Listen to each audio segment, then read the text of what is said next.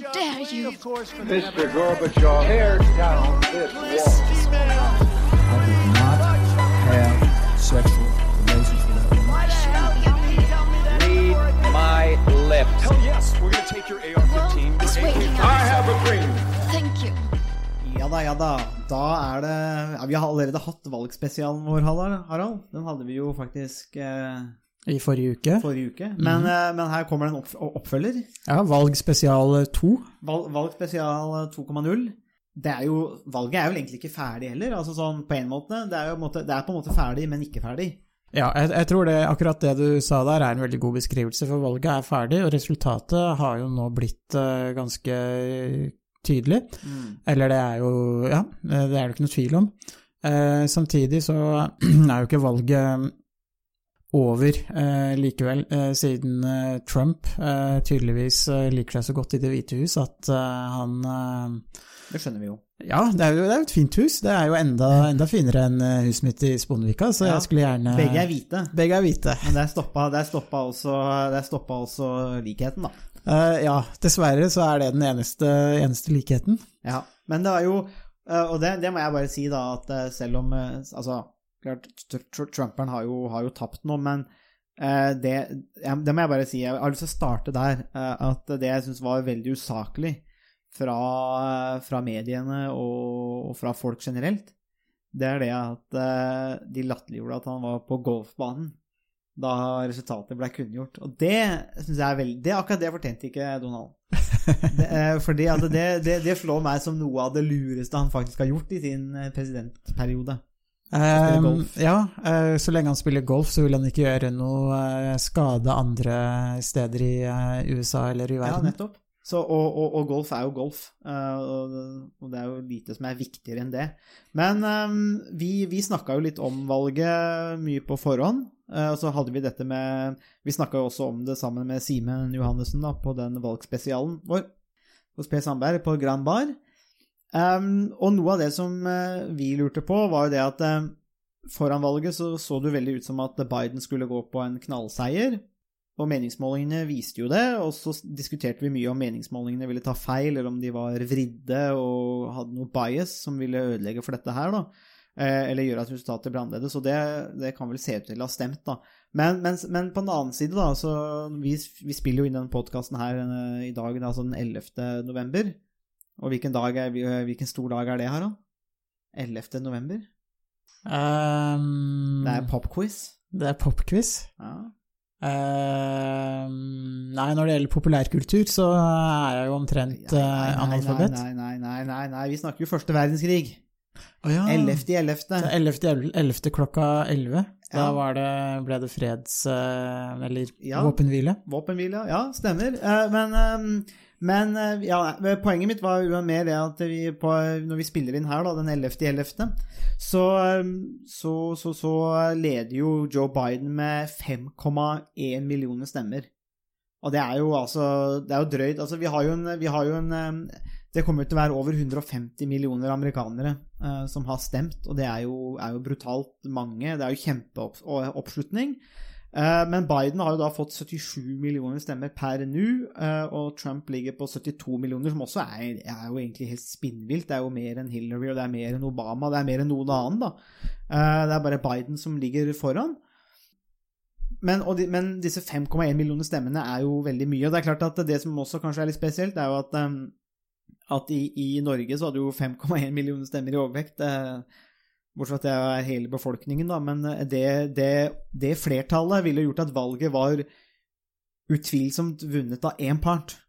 Og så er det den latterlige situasjonen at i USA så er tydeligvis 5,1 millioner i flertall. Det er ikke nok til å liksom Det er jo egentlig nok da, til å avgjøre valget, men samtidig, på grunn av systemet, så veit vi faktisk ikke hvem som har Altså, det kan fortsatt eh, det, det kan etterprøves i retten, og det skal telles opp på nytt i Georgia, og det er litt sånne ting. Biden har vel vunnet, men samtidig da så er det ikke in the books, som det heter.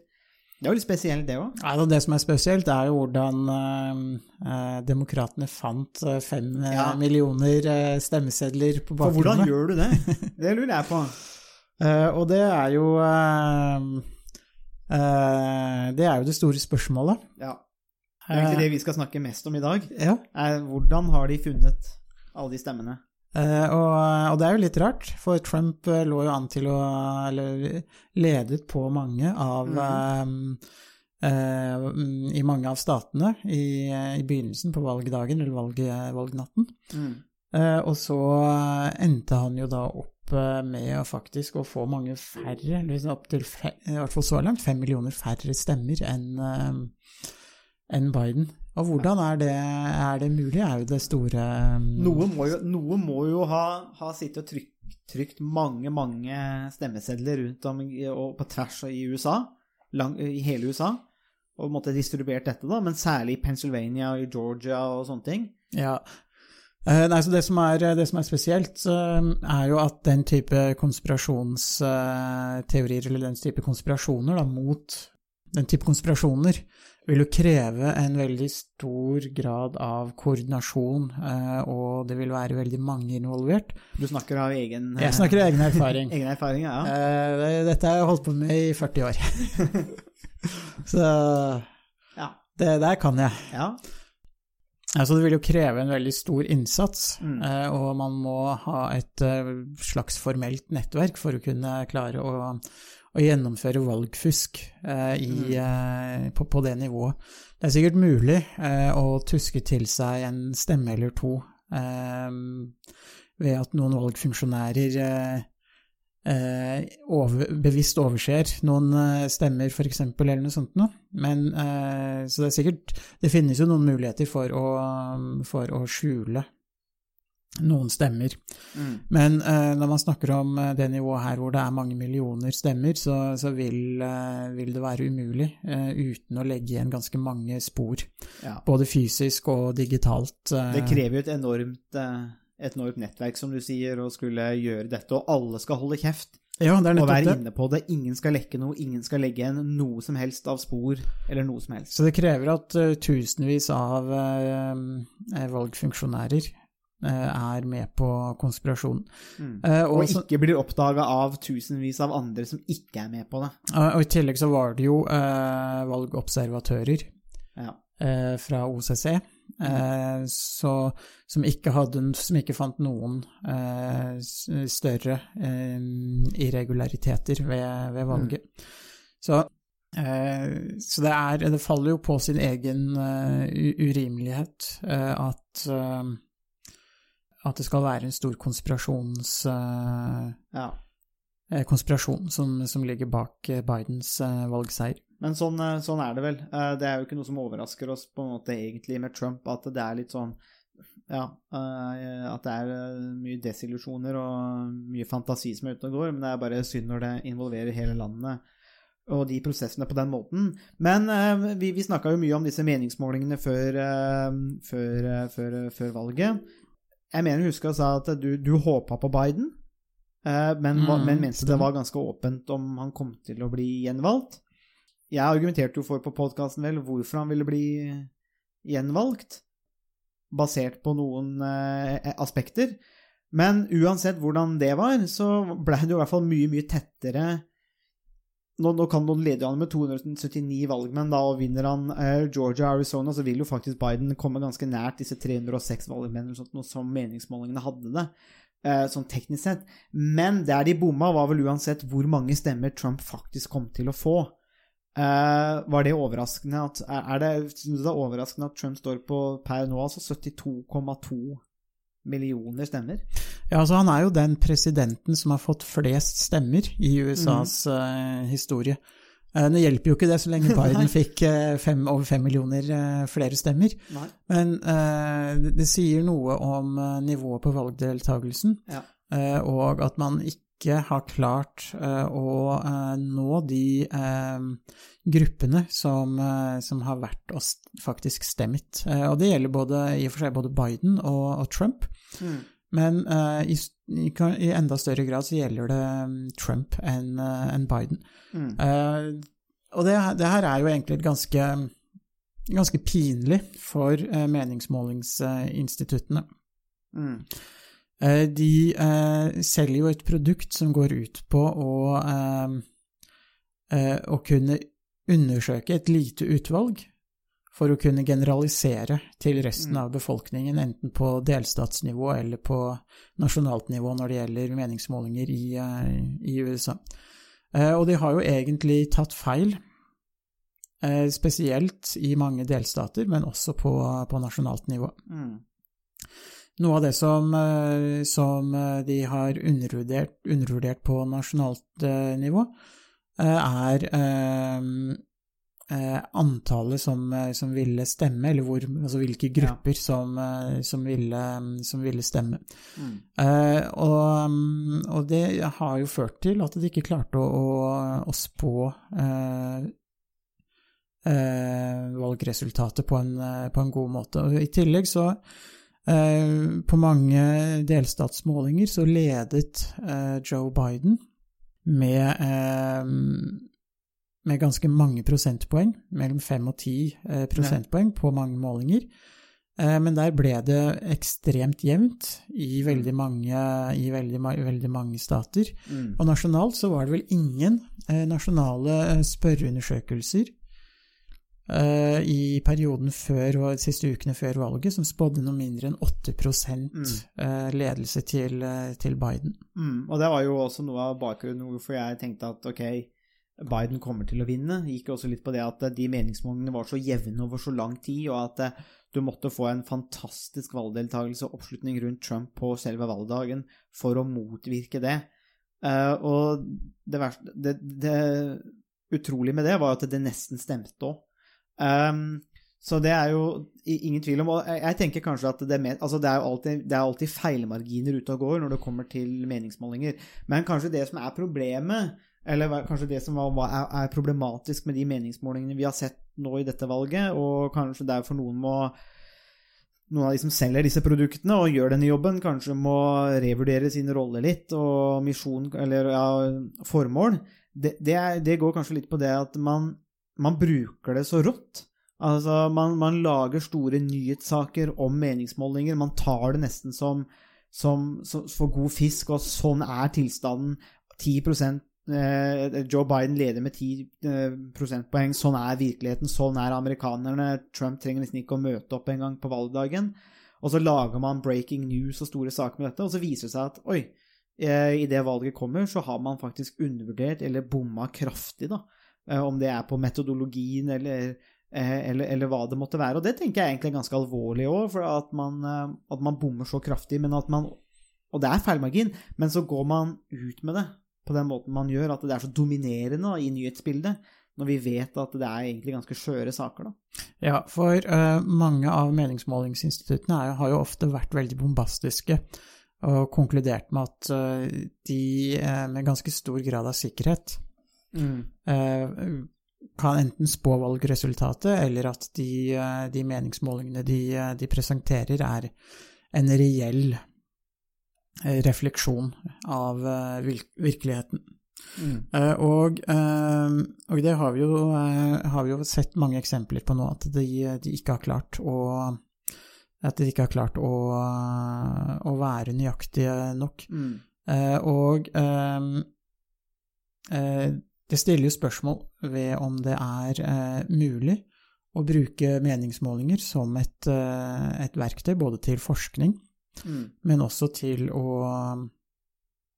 eh, til å kunne si noe meningsfullt om, eh, om eh, hva de politiske preferansene i befolkningen eh, er. Mm, Det er, det er jo enig, jeg, jeg så jo på akademiske Twitter, så kom jo dette som Altså, det er jo ingen tvil om at, at den kvantitative metoden, da, som det her er òg, kan brukes til mye nyttig og, og kartlegging. Men det som alltid har slått meg, da, eh, i, i, på, i, når jeg har vært på konferanser og sånn, så er det sånn Du får aldri nok variabler, slik at enhver, en, en, Stort sett, da, som jeg opplever, de fleste eh, presentasjoner av akademiske artikler eller kapitler som bruker denne, disse metodene, avslutter stort sett med å si at eh, vi har ikke eh, nødvendigvis de og de variablene, så vi må alltid ta hensyn til det, og vi får aldri nok. Og, eh, og hvis det er noe som er feil, så kommer det alltid at nei, men eh, man, har ikke, man har gått utover begrensningen til metoden. Man skjønner bare ikke hva man bruker metoden til. Men, men, du, men du er litt inne på det òg, at eh, kanskje vi må bare være enda mer forsiktige med hva den metoden faktisk lar oss avdekke. At vi kan bruke det til en slags kartlegging, men å prøve å, å, få til å si noe sikkert det, akkurat, akkurat det skipet har vel fått et ganske solid skudd for baugen med valget nå, da. Uh, ja, Ikke, eh, ikke at vi skal generalisere alle meningsmålinger til det, men Uten tvil. Eh, Det som er interessant, apropos skipsmetaforer, er jo at eh, et av de eh, meningsmålingsinstituttene som eh, var mest eh, nøyaktig, eh, heter eh, faktisk Trafalgar Polls. mm, Eh, og det er eh, oppkalt etter, eh, slaget. etter slaget. Eh, Mhm. Og eh, de har vel, så vidt jeg husker, eh, så har de, mener jeg de har et bilde som bakgrunns... Ja. bilde av slaget som bakgrunnsbilde på, på nettsidene sine. Stemmer det. Eh, og det, det som de, eh, de gjorde eh, de, de har jo ikke sagt så veldig mye om eh, hva slags eh, met metode de har brukt, men de har sagt noe, eh, og det, noe av det, og det de har sagt, er at i tillegg til å ringe til respondenter for å få svar på hvem de vil stemme på og bakgrunnsvariabler, så er det, bruker de også ofte eh, en halvtime etter selve intervjuet eh, på å snakke, om, eh, snakke med personene om Mm. eh, hva de er opptatt av, eh, hva, de, eh, hva slags ideer, meninger de har, mer generelt. Eh, og de stiller også en type spørsmål om de har eh, kjøpt fiskekort, eh, de Altså helt sånn trivielle eh, spørsmål eh, om hva, de, hva slags interesser de har, hva de driver med, og hvordan de er engasjert i både samfunnet og arbeidsliv og, og så videre. Så de, de kombinerer kvalitative og kvantitative eh, metoder på eh, en annen måte enn det som mange av de, de mer kvantitative instituttene mm, gjør. Og det er kanskje noe av grunnen til at de også har lykkes bedre. Mm. De sitter på mer informasjon, eh, og selv om informasjonen er kvalitativ og den ikke er, kan gjøres om til tall og prosenter, eh, så er det informasjon man kan bruke til å designe bedre eh, modeller for hvem man skal ringe, så man kan justere i større grad hvem man skal eh, kontakte. og man vet i større grad om man har ubalanser i, i det utvalget man Mm. i det utvalget man, eh, man undersøker. Mm. Så, så det sier kanskje noe om, om eh, hvor mange av meningsmålingsinstituttene har tatt feil, Ja. eh, og hva som eventuelt må gjøres for å rette opp i disse feilene. Mm. Og det, ja, og, og, det, det, går- og, det, mest alvorlige på en måte, tenker jeg, i det er jo altså Nå er vi inne på en, begre, en viktig begrensning i det såkalte samfunnsvitenskapelige forskningsfeltet. Det er jo et spørsmål om det er vitenskap, ikke sant. Altså, og det her setter jo på en måte en setter jo på en måte ett spørsmålstegn ved det, da.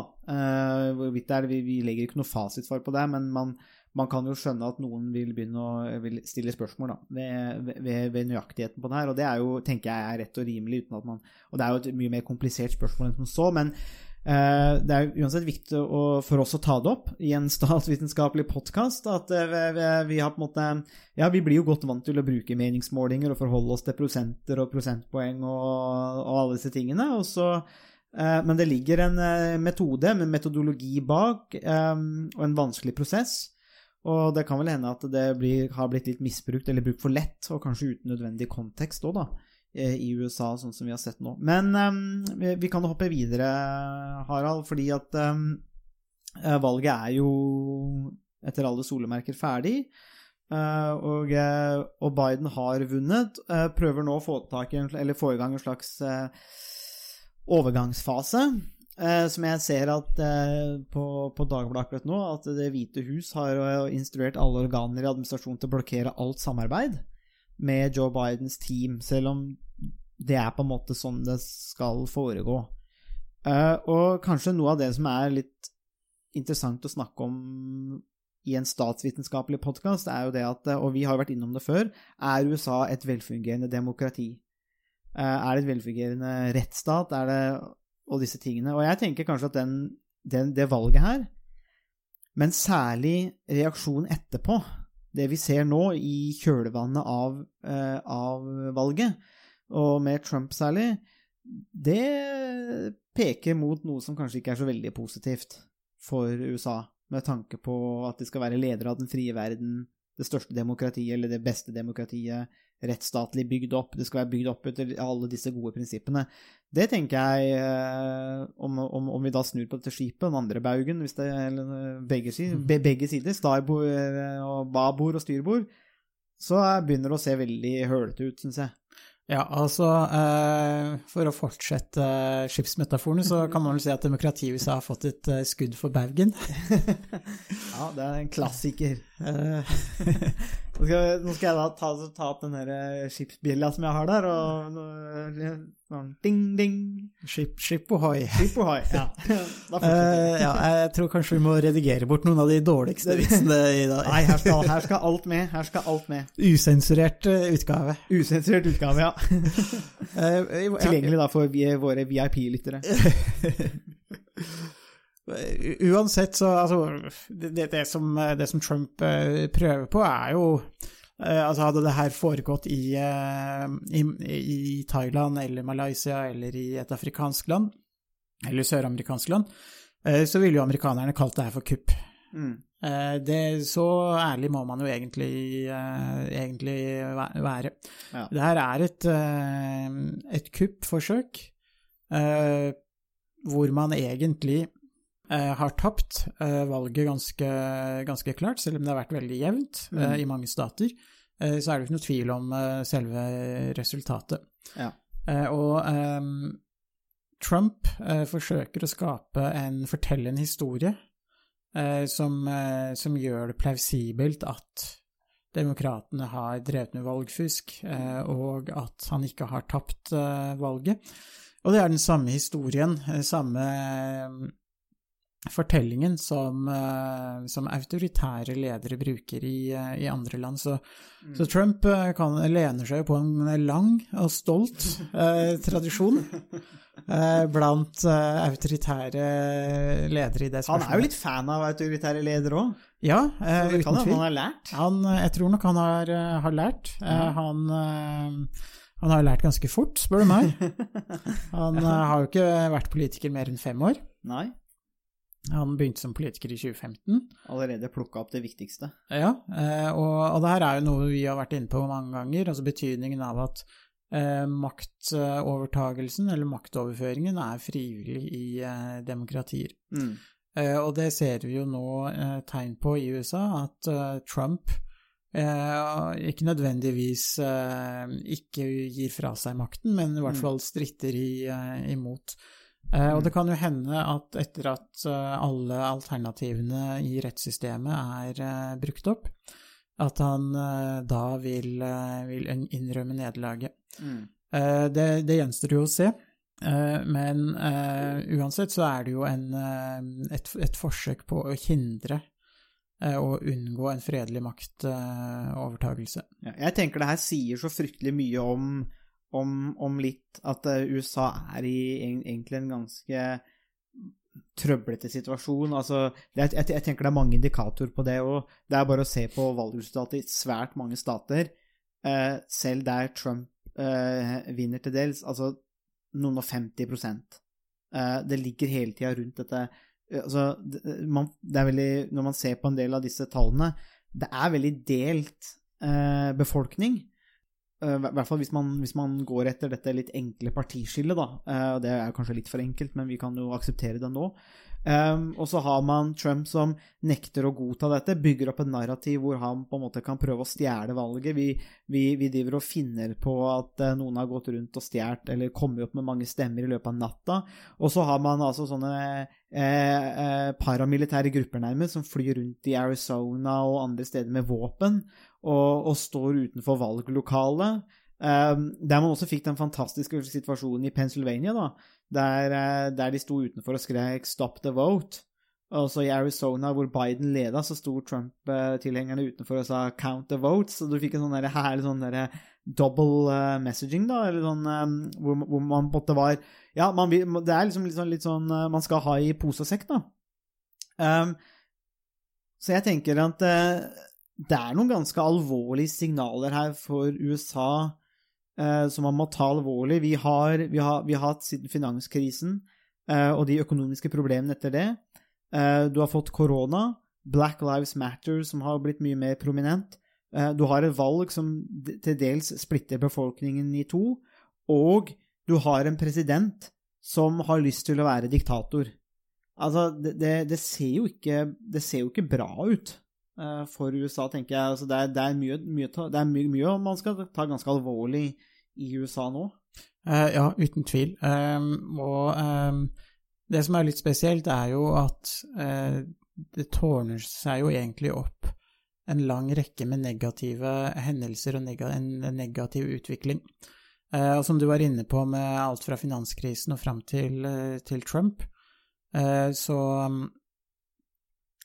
så er det i, i det store og hele eh, mer negative eh, hendelser enn positive hendelser. Det er veldig få hendelser som er med på å styrke demokratiet, eller styrke eh, graden av tillit eller eh, gjensidig nytte, eller noen av de, noen av de viktige funksjonene som, eh, som er nødvendige for å opprettholde og videreutvikle demokratiet. Mm. Og, så, og så tenker jeg, hvis vi prøver å knytte det litt inn i, inn i statsvitenskapelige termer òg, litt mer spesifikt, eh, så tenker jeg også på dette med tillit. Vi har, vi har snakka om det i podkastene våre òg, men tillit til prosessene, til institusjonene, er jo fryktelig viktig. I Norge så um, har vi jo et av verdens høyeste nivåer av tillit, altså annet til hverandre som borgere og naboer og osv., men også til, også til staten, til systemene våre. Og det er jo ingen som, tror jeg, i Norge som går og, og er redd for at eh, man finner andre stemmer på kommunehuset i Halden på valgnatta, og at det sitter noen der og tusker eh, og, og, og finner opp stemmer i Halden eh, der. Det er ingen som tenker de tanker, tror jeg. Råde, kanskje, men, eh, Der er det vanlig. der, men der er det vanlig. Så der er det, Alle gjør det der, så der, der, er mange er det som bor i Råde? Eh, Det er vel en, det er en 7000, og så er det 60 000-70 000 som stemmer, da. ja, ja, det, sånn, det, går, det går et par ganger i sånn stemmetall. Jeg lurer på hvor det kommer fra. Men, eh, men, men det er ingen i Norge som gjør det. Vi har veldig mye tillit. Det er, og, og tillit er veldig viktig for oss som statsvitere når, vi, når man analyserer land. Eh, Det er litt vanskelig å få tak på noen ganger, men tillit er liksom en sånn kvalitet. og det tenker jeg er noe av det som kanskje er mest alvorlig i USA i dag, hvis vi eh, måtte se bort fra Trumps eh, diktatoriske spirrevipper og, og liksom ambisjoner, så tenker jeg nå at det, dette med tillit eh, er veldig, er veldig, er veldig, er veldig Altså, Trump har ikke tillit, tydeligvis, til systemet, eller han misbruker det, men svært mange amerikanere har heller ikke tillit. Og det, det tenker jeg det, det, det er noe av det mest alvorlige av det vi ser. At, og, og det er også kanskje derfor vi, disse scenene får lov til å utspille seg er også fordi det er veldig liten tillit til systemet og mellom amerikanerne. og Derfor kan du ha paramilitære grupper som løper rundt. Du kan ha Trump som nekter å godta valg, osv., osv. Ja, og det, det, som er, eh, det som er viktig, eh, og som jeg syns er litt interessant, er jo egentlig det at det er jo ikke bare eh, Altså, mangelen på tillit eh, er jo ganske fundamental, fordi eh, det er ikke sånn at det bare gjelder nødvendigvis eh, republikanske velgere eller republikanske Nei. politikere, men det er noe som gjelder befolkningen generelt, og det er ikke sånn at eh, Demokratene er et parti som eh, folk har høy tillit eh, til heller. Eh, For det som, det, det, det som mange amerikanere opplever, er at eh, Så hva har demokratene gjort for vanlige folk de siste 30, eh, 30 årene, er på en måte et, et spørsmål som mange stiller. Joe Biden for eksempel var jo med på å vedta noen av de eh, innstrammingene og skjerpingene av eh, straffeloven i USA på 90-tallet, som førte til at en stor del av den eh, av afroamerikanske befolkningen, eller mannlige afroamerikanske befolkningen, endte opp med, med lange fengselsstraffer. Uh, og Det demokratiske partiet har uh, f.eks. de siste årene vært mye mer opptatt av uh, identitetspolitikk. Eh, og ikke det at det i seg selv er uviktig, men eh, det er jo også kanskje enda viktigere å kunne skape en koalisjon mellom de ulike eh, gruppene som Det demokratiske partiet forsøker å, eh, å henvende seg til, hvor man har mange hvite arbeiderklassevelgere som i stor grad har søkt mot eh, Trump, i så stor grad at eh, selv republikanske politikere sier at nå er vi et eh, a working class party. Eh, og det er jo urovekkende for demokratene at de det, mange velgere opplever at de ikke har gjort noe for vanlige folk. De har ikke vært opptatt av å bevare jobber. Og Obama, for eksempel, sa jo da bilindustrien lå nede for telling etter finanskrisen, at folk eh, i Detroit, så vidt jeg husker, på en måte, de forsøker å klamre seg fast til, eh, til jobbene sine. Og det er jo på mange måter en litt arrogant og nedsettende måte å omtale vanlige folks eh, jobber på. Det, det er klart, eh, de kunne kanskje eh, de, de ville kanskje selv også eh, foretrukket eh, andre jobber eh, og andre alternativer, men eh, når du ikke har andre alternativer, så er det det du må eh, Da må du klamre deg fast til den, den jobben du, du har. Eh, og det som, så her ser vi på mange måter at begge partiene har spilt fallitt. De har ikke klart å skape brede ko koalisjoner. Eh, de, de, de, altså Demokratene har fokusert på identitetspolitikk i mange byer, som kanskje er et viktig spørsmål uh, i mange store byer. Eh, Men samtidig så er det uh, en politikk og spørsmål som man ikke kjenner seg igjen i i mange andre mindre steder i, um, i USA. Og da forsvinner fundamentet for de ulike koalis koalisjonene, eller de gruppene man må, man, man, man må nå. Eh, Og hvis man i tillegg ser på hvordan, altså hvor dyrt helse, helseforsikringer er eh, i USA, eh, og hvor en veldig stor andel av befolkningen ikke har eh, tilgang på tilfredsstillende, et tilfredsstillende helsetilbud. Altså man ser på altså, hvor, hvor, mye det koster som arbeidsgiver eh, å tegne helseforsikring for mange arbeidstakere. Eh, så ser man at eh, for mange arbeidsgivere som kanskje opplever en tøff konkurransesituasjon, så blir det vanskelig eh, å også øke eh, lønningene, eller å, øke, eller å dekke helseforsikringer eh, for mange arbeidere. arbeidere. Og da, og da summen av alle disse, disse elementene her eh, er med på å, å undergrave tilliten, gjøre det vanskelig å etablere jobber eh, som er attraktive eh, for, eh, for mange ansatte, og som også gjør det dyrt å opprettholde f.eks. industriarbeidsplasser når, hvis, man som arbeidsgiver skal dekke en, en dyr helseforsikring, og når man i USA bruker kanskje 50 eh, mer på helse, av, i hvert fall av bruttonasjonalprodukt, enn det man gjør i mange sammenlignbare land i, eh, i Europa. Mm. Jeg tenker det er jo det er veldig, veldig viktig at du nevner det at det der med og, og, og dette med tillit altså mellom partiene og, og, og befolkning og sånt altså, og, det her er jo noe, noe som går begge veier. Det er jo ikke sånn at, det, at eh, Trump vant valget i 2016, og så var det plutselig et angrep på institusjoner og sånne ting. Man kan jo, man kan jo angripe sine egne institusjoner eller undergrave sine egne institusjoner ved å misbruke de eller være inkompetent.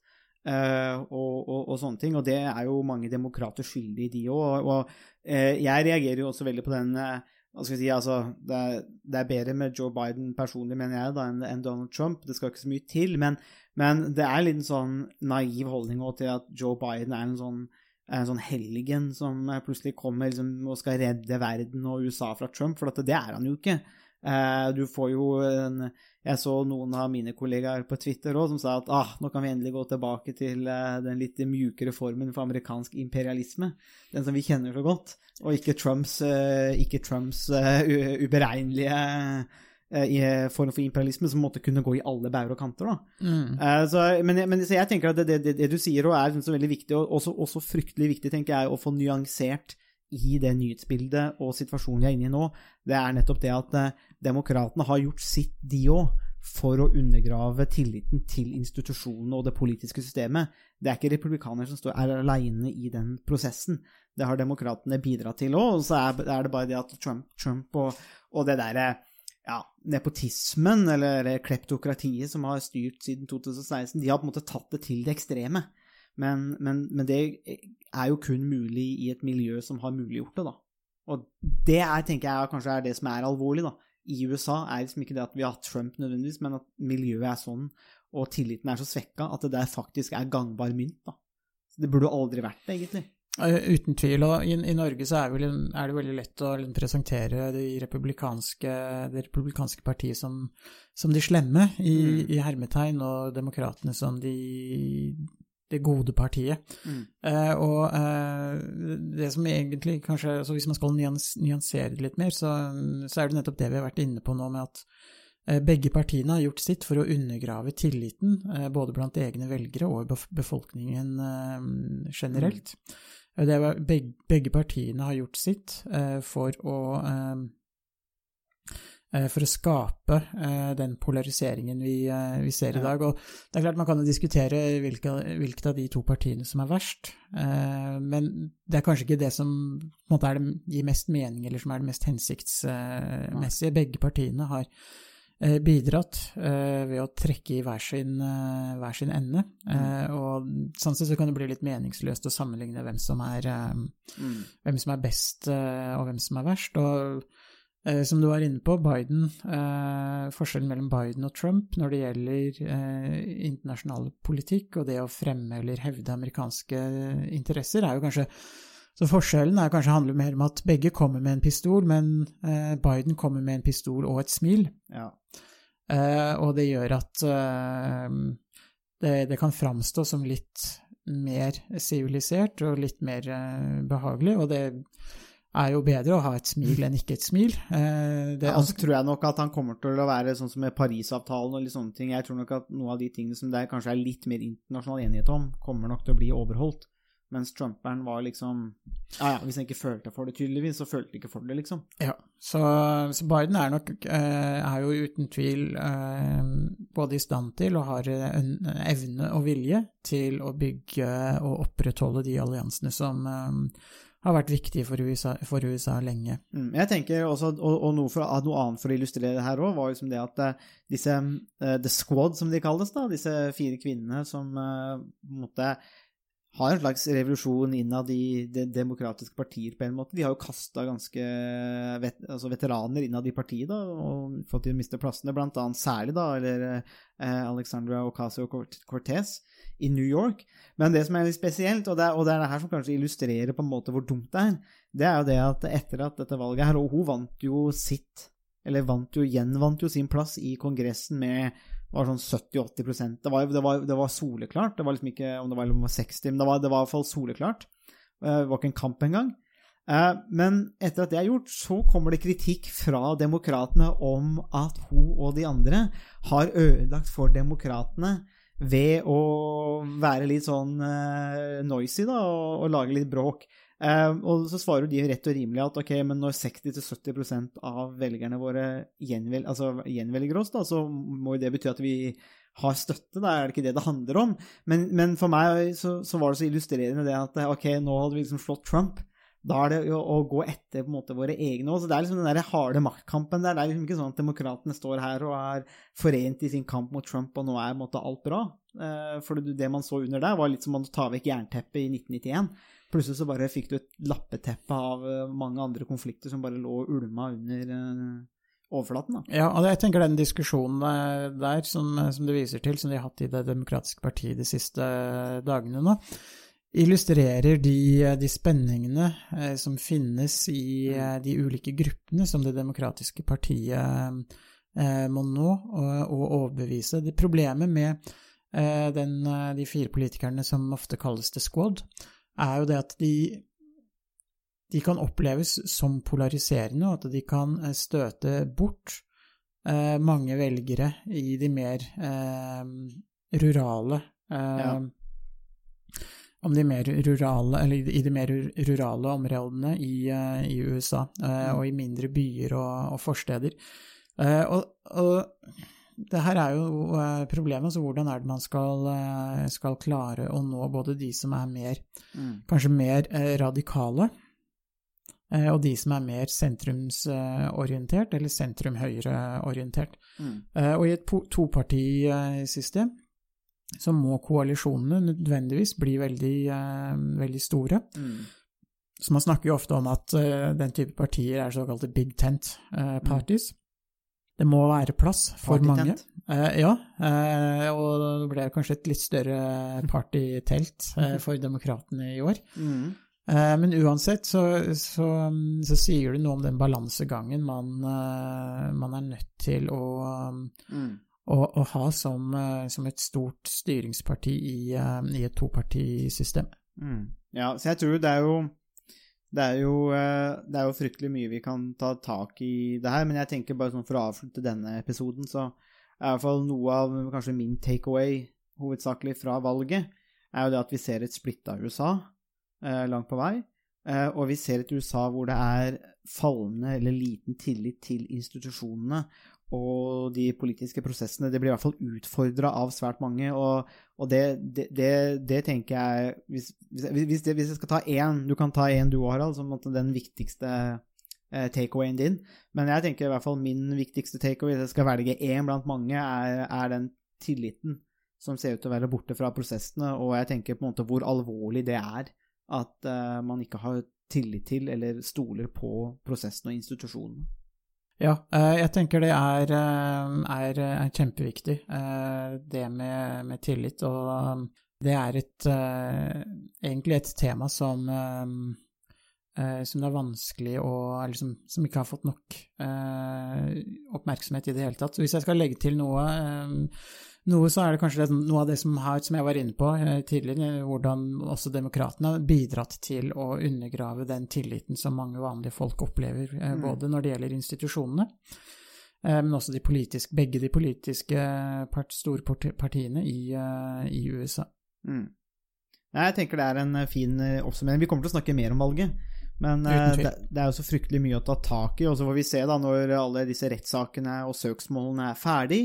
Eh, og når vi kommer litt ut på nyåret, kanskje. Kanskje vi vet mer ute i desember, men uh, måtte, hvor, hvilken vei det her går da, når ting begynner å måtte roe seg i rettssaken og sånne ting. Så får vi se om, uh, om de har fått en ny president, eller om, eh, eller om vi får et kupp. Eh, og på en måte så hadde det vært litt moro, det òg. Hvis, vi hadde hvis, hvis det hadde gått. Det hadde, liksom- Da blir det nok en uh, USA-spesial. Uh... Da, da blir det nok spesial. Da, da, blir, det, blir, det, da blir det garantert spesial. Hvis, men det er klart, er det en som skal klare å kuppe, så må det jo være Trump. Ja, det er, det er ikke noen andre som har, uh, som har eh, kupplanene og kuppevnene til å gjennomføre Nei, noe sånt. så det, må være han, tror jeg. Så vi får, eh, vi, vi- vi får vente i spenning. Det var det vi hadde å by på i denne ukas episode av Statsvitenskap og sånt. Musikken er komponert av Robin Horvath, og Thomas Focolato står for miksing og redigering. Du finner oss på Facebook, bare søk på statsvitenskap og sånt. Der kan dere komme i kontakt med oss hvis dere har spørsmål eller kommentarer. Der finner du også aktuelle artikler, videoer med mer. Vi setter pris på om dere liker sida, og deler den med andre som dere tenker vil ha glede av å høre på podkasten. Høres! change is coming whether you like it or not.